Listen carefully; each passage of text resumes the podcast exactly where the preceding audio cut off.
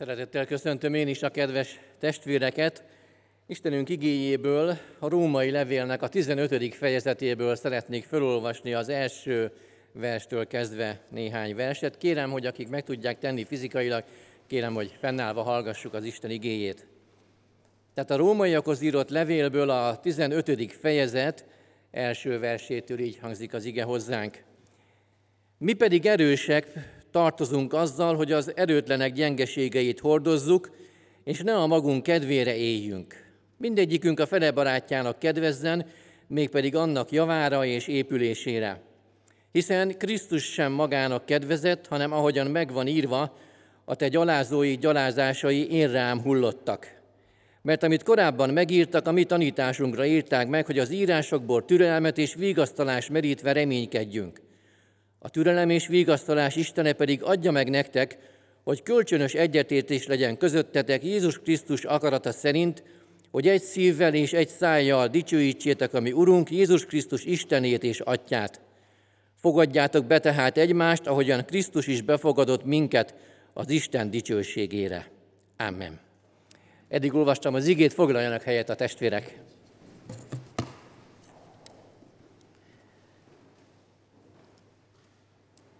Kedves testvérek, Kübler János testvértől szabad kezet kaptam a mai alkalom téma választására, és én maradnék a növekedés egész éves programjánál, és ebből egy olyan gondolatot szeretnék kihozni a felolvasott igére utalva, ami valahogy úgy hangozna, hogy növekedés egymás befogadásában.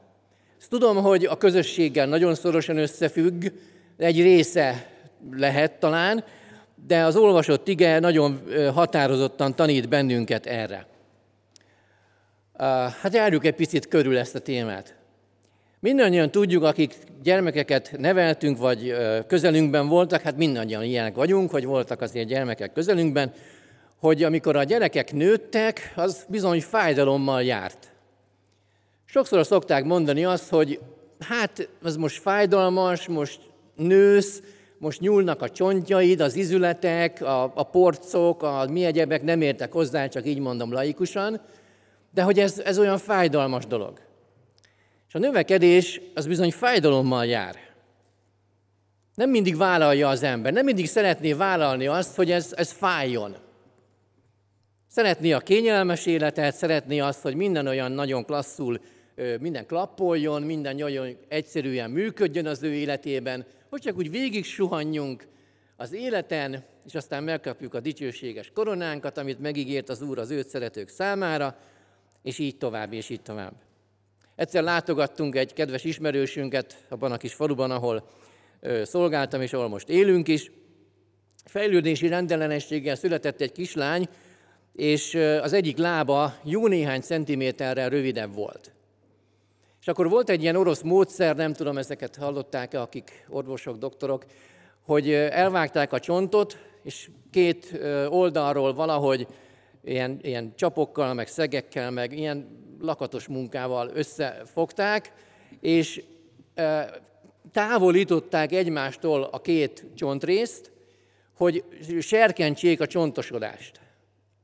És meglátogattuk a kislányt, tehát elég szörnyű volt maga a látvány is nekem, hogy egy, egy kisgyermek lábából állnak ilyen szörnyű vasak, meg csavarok, meg menetes szárak, meg mindenek, és mondja az édesapa, hogy borzasztó neki minden este ezen a anyán egy negyedet fordítani. Sír a kislány, ő nagyon nehezen tekeri, de tudja, hogy tekerni kell, mert ez vezet valamilyen eredményre. És jó sok éven keresztül ment ez, és vállalták ezt a szenvedést. Sokkal jobban megy azóta az a kislány, most már fiatal hölgy, és nagyon szépen megy. Vállaljuk a növekedés fájdalmát mi? Nagyon sokszor azzal jár a növekedés, hogy el kell hagyni pozíciókat. El kell adni helyeket, székeket, ott kell hagyni különböző beosztásokat. Átrendeződik egy, egy, egy csoport, egy közösség. És le kell mondani dolgokról. Ezt nem szeretjük megint, de hát az igében olyat olvasunk, hogy a legfontosabb dolog is le kell mondanunk saját magunkról. Úgy olvassuk az igében, hogy, hogy ugye bemerítő János mondja ezt az Úr Jézussal kapcsolatban, hogy neki növekednie kell, neki pedig, már mint bemerítő Jánosnak, alább szállania. Lemondani önmagáról. Ez ma egy kultúra ellenes kijelentés. De akkor is kultúra ellenes volt, amikor ezt először elolvasták, ezt a levelet a római gyülekezetben. Ugye úgy látszik, hogy ezen így kell végigmennie az embernek. De az is természetes, hogy van olyan helyzet, amikor a legfontosabb kell, hogy legyen saját magunk számára saját magunk élete. Ez nagyon furcsa talán ezután, mintha ilyen kontraindikált kijelentés lenne, mintha ellent mondanék az előzőnek, de nem mondok ezzel, úgy gondolom legalábbis ellent, mert ugye a szeretettel kapcsolatban is, hogy azt mondja, annyira kell szeretnünk a mi fele barátunkat, mind amennyire szeretjük saját magunkat. És olyat kell tenni a fele barátunknak, amiért mi is szeretnénk, ha velünk megtennének. Ugye nagyon sokszor azt mondják a, a, a nagyon kegyes ö, hívők, hogy jó, mi nem szeretem magamat, ezért talán nem is kell szeretni a fele barátomat sem. Hát ez nem igaz. De hát azért valljuk már be, hogy itt magunk közt vagyunk, rátétjük a szívünkre a kezünket, hogy azért, azért szeretjük magunkat. Szabad szeretni magunkat. Mert Isten szeretetjei vagyunk. Isten gyermekei vagyunk, és ő fog bennünket a szárnyai alá, és ő gyűjt össze bennünket. Beszélgettem egy, egy pszichológus hölgyel, egy református gyülekezeti megtért hívő testvérnő volt, és 65 éves korában rákos lett. Nagyon furcsa volt ez a beszélgetés, mert annyira őszintére ment, és olyan mélyen föltárta önmagát, hogy meg is lepődtem, meg is lepődtünk talán mint a ketten. Ő azt mondja, hogy Zsolt, én egész életemben a klienseimnek az érdekeit néztem. Hogy hogy legyen jobb azoknak, akik hozzám fordulnak, tanácsot kérnek, segítséget, akár családi, akár munkahelyi, akár egyéni életükkel kapcsolatban. De most olyan helyzetben vagyok, azt mondta ez a hölgy tovább, hogy most mondom a nevét, már nincs közöttünk, sajnos elhunyt, hogy most Kovács Zsuzsának Kovács Zsuzsa kell, hogy a legfontosabb legyen. Mert van ilyen helyzet, lehet ilyen helyzet, és ezt is meg kell tanulnunk. Ugye nagyon komplex talán ez a dolog. Ez nagyon komplex. Mert ad Isten ilyen helyzeteket. Hogy hozzak ehhez egy igét, a Filippi beliekhez írta Pálapostól azt, hogy nem a nélkülözés mondatja ezt velem, mert én megtanultam, hogy körülményeim között elégedett legyek. Ugye mi itt általában arra szoktunk fókuszálni, hogy a körülményeim között. De én most egy másik szóra szeretném a testvérek figyelmét hozni, az pedig így szól, hogy megtanultam. Mit jelent ez? Hát az, hogy nem tudtam. Hát az, hogy nem tudtam. Amit nem tudok, azt meg kell tanulnom. Igaz? Gyakorolnom kell ebbe magamat. Azt mondja Pál, hogy megtanultam. Tehát volt olyan helyzete, most itt csak gyorsan és röviden, volt olyan helyzet, amikor szűkölködnie kellett, és volt olyan helyzet, amikor bővölködhetett. És olyan érdekesen beszél erről, és nem úgy van, hogy ugye, amikor szűkölködik, akkor áll, arról álmodozik, hogy milyen jó lenne bővölködni, amikor meg bővölködik, akkor meg arról ö, számol be, hogy milyen lelkiismeret furdalása van, hogy most ő most bővölködik, és inkább szűkölködnie kellene, hanem azt mondja, hogy minden körülményemben, ha ilyen, ha amolyan, én komfortosan tudok mozogni, azért, mert megtanultam, azért, mert az Isten megtanította nekem, és mindezek fölött pedig azt mondja, hogy mindenre van erőm a Krisztusban, aki megerősít engem. Ugye itt a befogadás az alapgondolat, tehát, hogyha valaki azt mondja, hogy én nem tudom befogadni ezt, vagy azt, vagy azt, mert ilyen meg amolyan, most itt nem mondok jelzőket természetesen, akkor vedd elő a Filippi 4.13-at, és olvasd el még egyszer. De én is elolvasom. Mindenre van öröm a Krisztusban, aki engem megerősít. Nem azt mondja, hogy azért van nekem erőm ezekhez, mert én olyan szuper ember vagyok, olyan erős vagyok, olyan erős az elhatározásom, meg az uralmam önmagam felett, meg ilyesmi, hanem azt mondja, hogy azért, mert Krisztus engem megerősít. Mindannyian Krisztus által megerősítetteknek kell lennünk. Ugye nem a saját magunk erejéből, természetesen a saját magunk odaszállása szükséges ehhez. Nem mondhatjuk azt, hogy Uram, tegyél velem, amit akarsz, és mindenféle jót tegyél az én életembe, ahhoz kellek én is. Partnerévé választott az Isten meg És ugye az énünknek az Isten alá rendelését látjuk itt, ami nem egy természetes állapota az embernek. Ez megint kultúra idegen. Ma is. Hogy az én akaratomat valaki másnak az akarata alá rendeljem, ez nem, ez nem, nem, nem jó. Nem akarjuk ezt. Hogy valósítsa meg az ember önmagát. Ez egy kényelmetlen helyzet, nehéz és nagyon komoly tanítása az igének. De egy dolog, ami ezt elő tudja segíteni, méghozzá az, hogy a Krisztus iránti szeretetünk egyre erősebb legyen. És nem azért tesszük ezt meg, mert itt, itt olyan kedves testvérek vagyunk mi itt együtt, meg olyan jó fejek, meg aranyosak, hogy mi megállapodunk ebben, hogy testvérek, mi befogadunk bárkit, hanem azért, mert a Krisztus iránti szeretetünk erre visz bennünket. Szóval szeretjük Krisztus, és szeretjük az embertársainkat is. És ez nagyon nehéz dolog volt az akkori római társadalomban, és nagyon nehéz ez ma is. De ez az Isten útja, ami előrefele vezet bennünket. Larry Krebnek a könyveit talán többen olvassák, vagy találkoztak már vele, magyar nyelven is nagyon sok ki van adva ezek között, és ebből az egyik könyvből hadd idézzek egy rövid, rövid mondatot. Így fogalmaz testvérünk, amit minden keresztény át tud adni a másiknak, az az elfogadás erőteljes szeretete.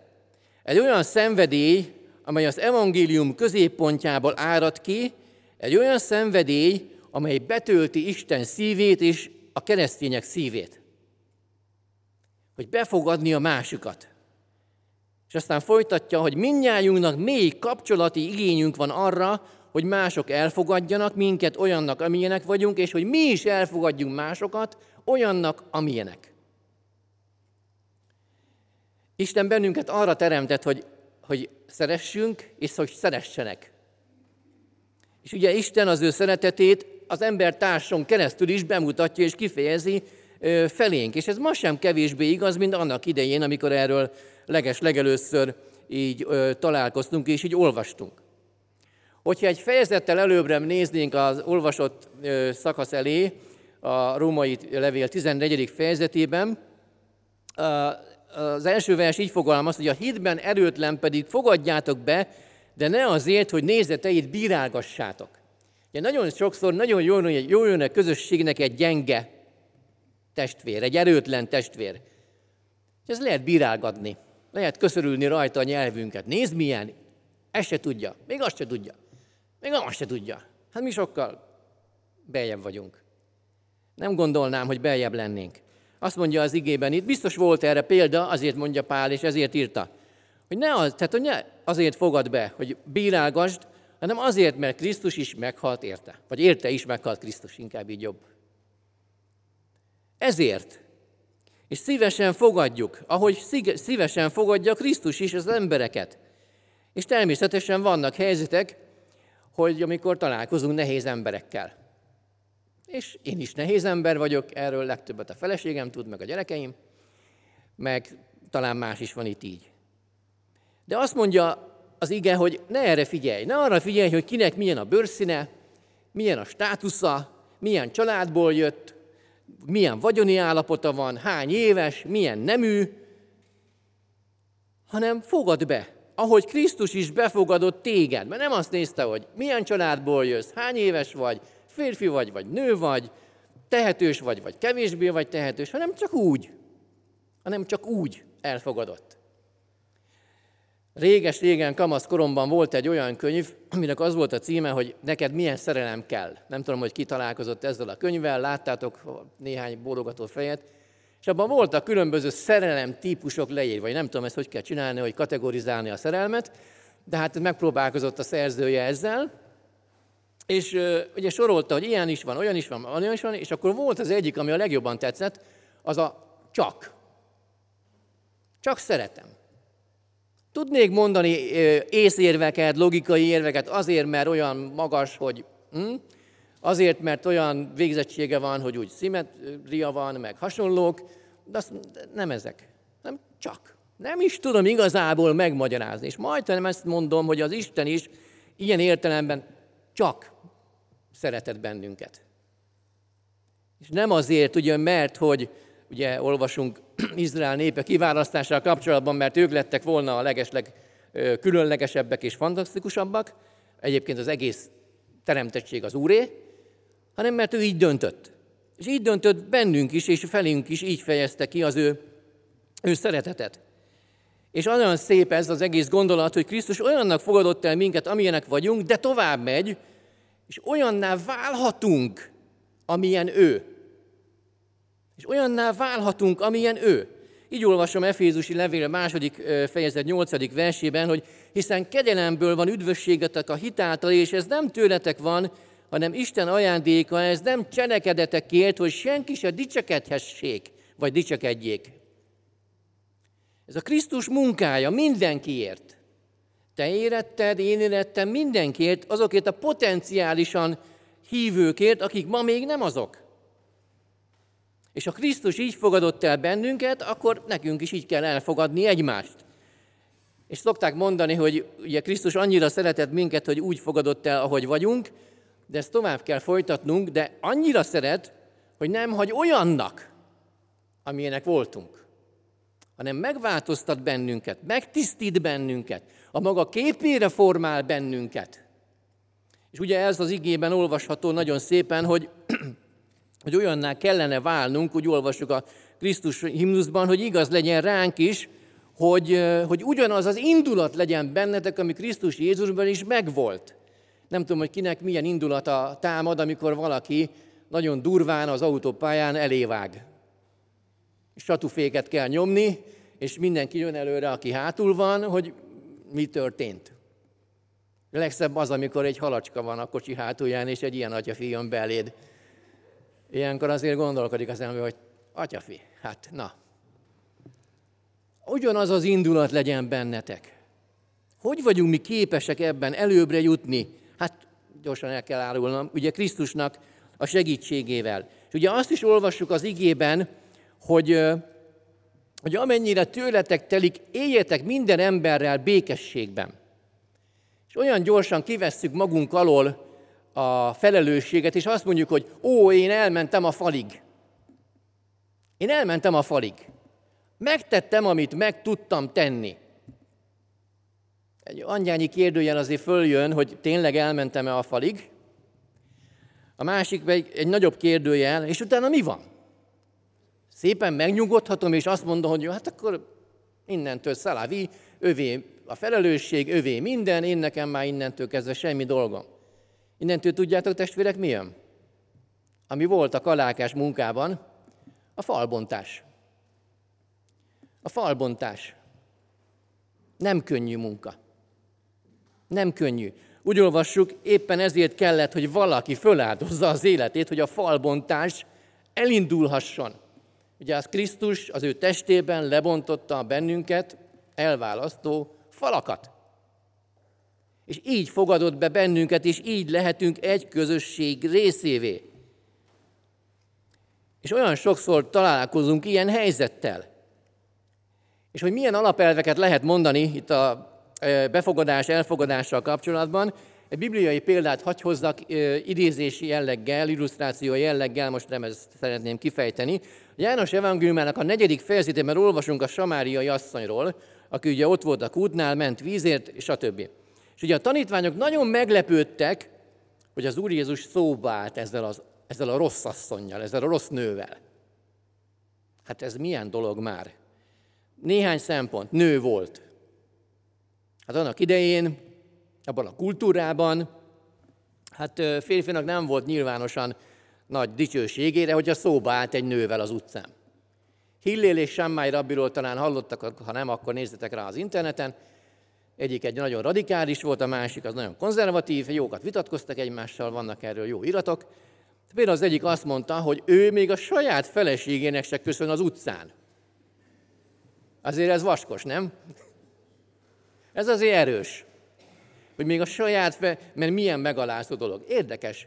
Az ebédet megenni nem megalázó. Bocsánat, egy ágyba összefeküdni nem megalázó. De köszönni az utcán a feleségemnek az megalázó. De valami félrement. De hát ma is vannak, gondolom, hasonló. Már nem ilyenek. Aztán a másik, ugye samaritánus volt. Tehát egy olyan népnek a leánya volt, akiket a zsidók gyűlöltek. Képesek voltak óriási kerülőt tenni, nehogy át kelljen menni ugye úgymond légvonalban, a legrövidebb úton, inkább nagy kerülőt vállaltak azért, mert nem akartak találkozni sem, még azt sem akarták, hogy a lábuk érintse azt a területet. És a legerősebb, ami itt ebben a sorban benne volt, az az, hogy ez az asszony bűnös volt. Ezt a, ugye, mint az úr kijelentette, az asszony egy mondta, hogy Uram, te proféta vagy, mindent megmondtál számomra, voltak férfiak, most is olyannal vagyok, aki, stb. stb. És milyen érdekes, hogy az emberek, a történelem mennyi előítélettel rendelkezik, mennyi előítélet van bennem, bennünk, ami az emberek, a többinek az elutasítását jelenti. Ezt tanultuk, ezt láttuk, ezt mondták nekünk, és így tovább.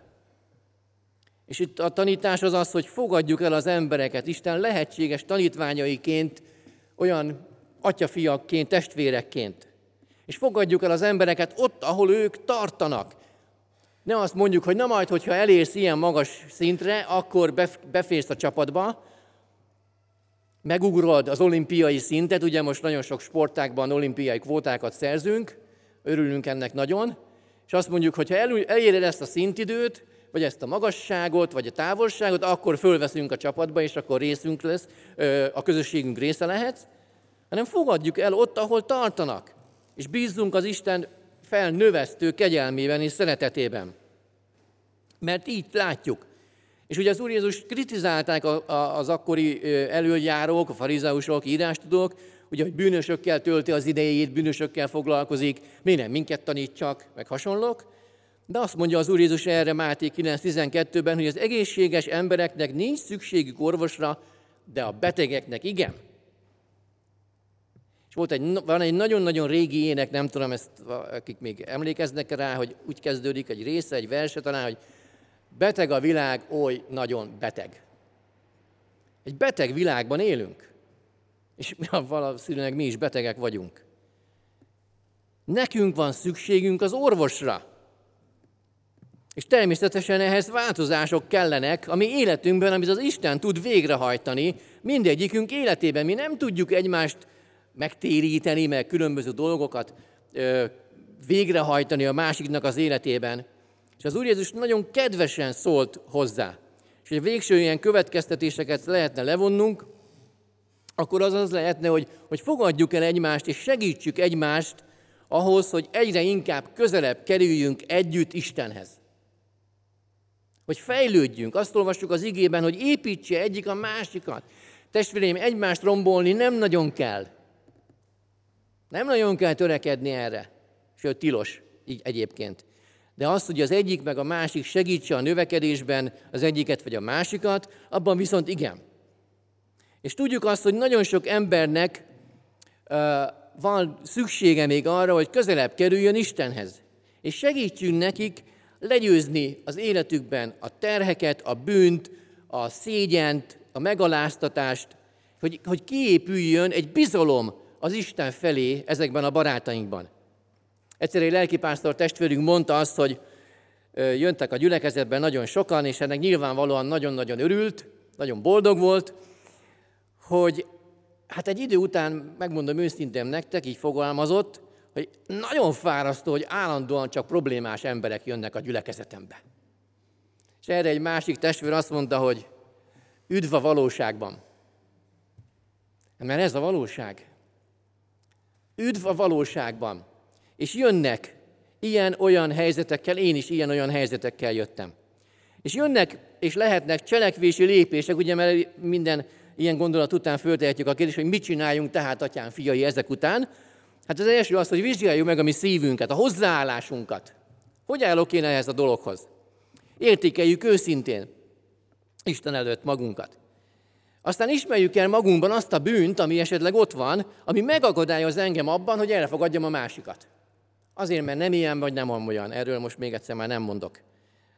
Mert azt olvasjuk az igében, 1 János 1.9-ben, hogyha megvalljuk a mi bűneinket, ő hű és igaz, megbocsátja a mi bűneinket, és megtisztít bennünket minden gonoszságtól, álnokságtól, hamisságtól, még az előítéletektől is. Ugye ez a kutyából nem lesz szalonna. De minden szalonna kutyából lett. Vagy hogy van ez? Ugye? Tehát, hogy nagyon érzékeljük ezt. És imádkozzunk, és kérjük Istent, hogy segítsen legyőzni a bűneinket. És tegyünk ezután aktív lépéseket azok felé, az emberek felé, akikkel bajom van, akiket nem nagyon tudok elfogadni. Tégy valami kedvességet neki. Tegyi az íróasztalára, vagy a esztergapadjára, vagy az autójának a kormányára, vagy a, bocsánat, most Endre ránézek, vagy a húrok közé tegyél be egy kis cetlit, vagy egy virágot, vagy tudom is én, mindig egy kis gesztust. Ne várd utána, hogy megkapod a Nobel-díjat, vagy az Oszkárt, de hogy valamit tegyél, vagy hívd meg egy kávéra, vagy kér tőle egy mini segítséget. Most, ha valaki meghív kávéra, ez most kényes lesz, de, de állok elébe. Vagy keress egy érett keresztényt, hogy segítsen neked ebben, hogy előbbre tudj jutni a növekedésben, a tanítványságodban, a megszentelődésedben. Mert így leszünk egymás tagjaivá. És olyan fontos, hogy az a példa nagyon sokszor elő volt már a gyülekezet elé téve, hogy egy test vagyunk. Egyikünk sem mondhatja másikra, hogy nincs rád szükségem. Mert akkor ez egy torz szülemény lenne. Ha lenne mondjuk 216 láb, meg lenne egy szem. Hát, na, fantázia filmekben, meg énekben vannak ilyenek, de hát ez nem, nem, nem valóság.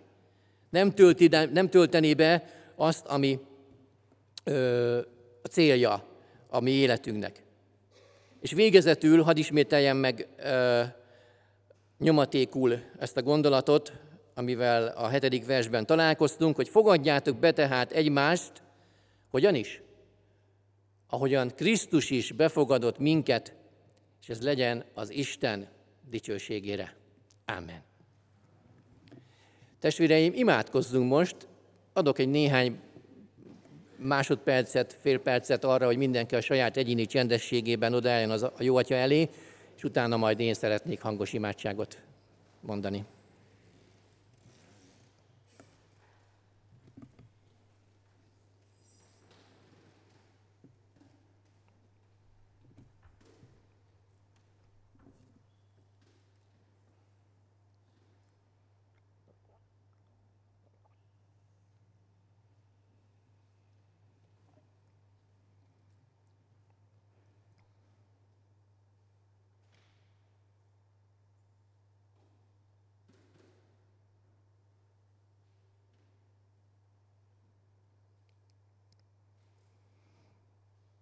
Atyán, köszönjük neked, hogy fiatban, az Úr Jézus Krisztusban olyan személlyel találkozhatunk, aki nem volt előítélettel velünk szemben, hanem fölvette a szolgai formát, megüresítette önmagát, emberekhez lett hasonlóvá, olyanokká lett, mint mi, kivéve a bűnt, ami nem fogott rajta, nem talált rajta fogást.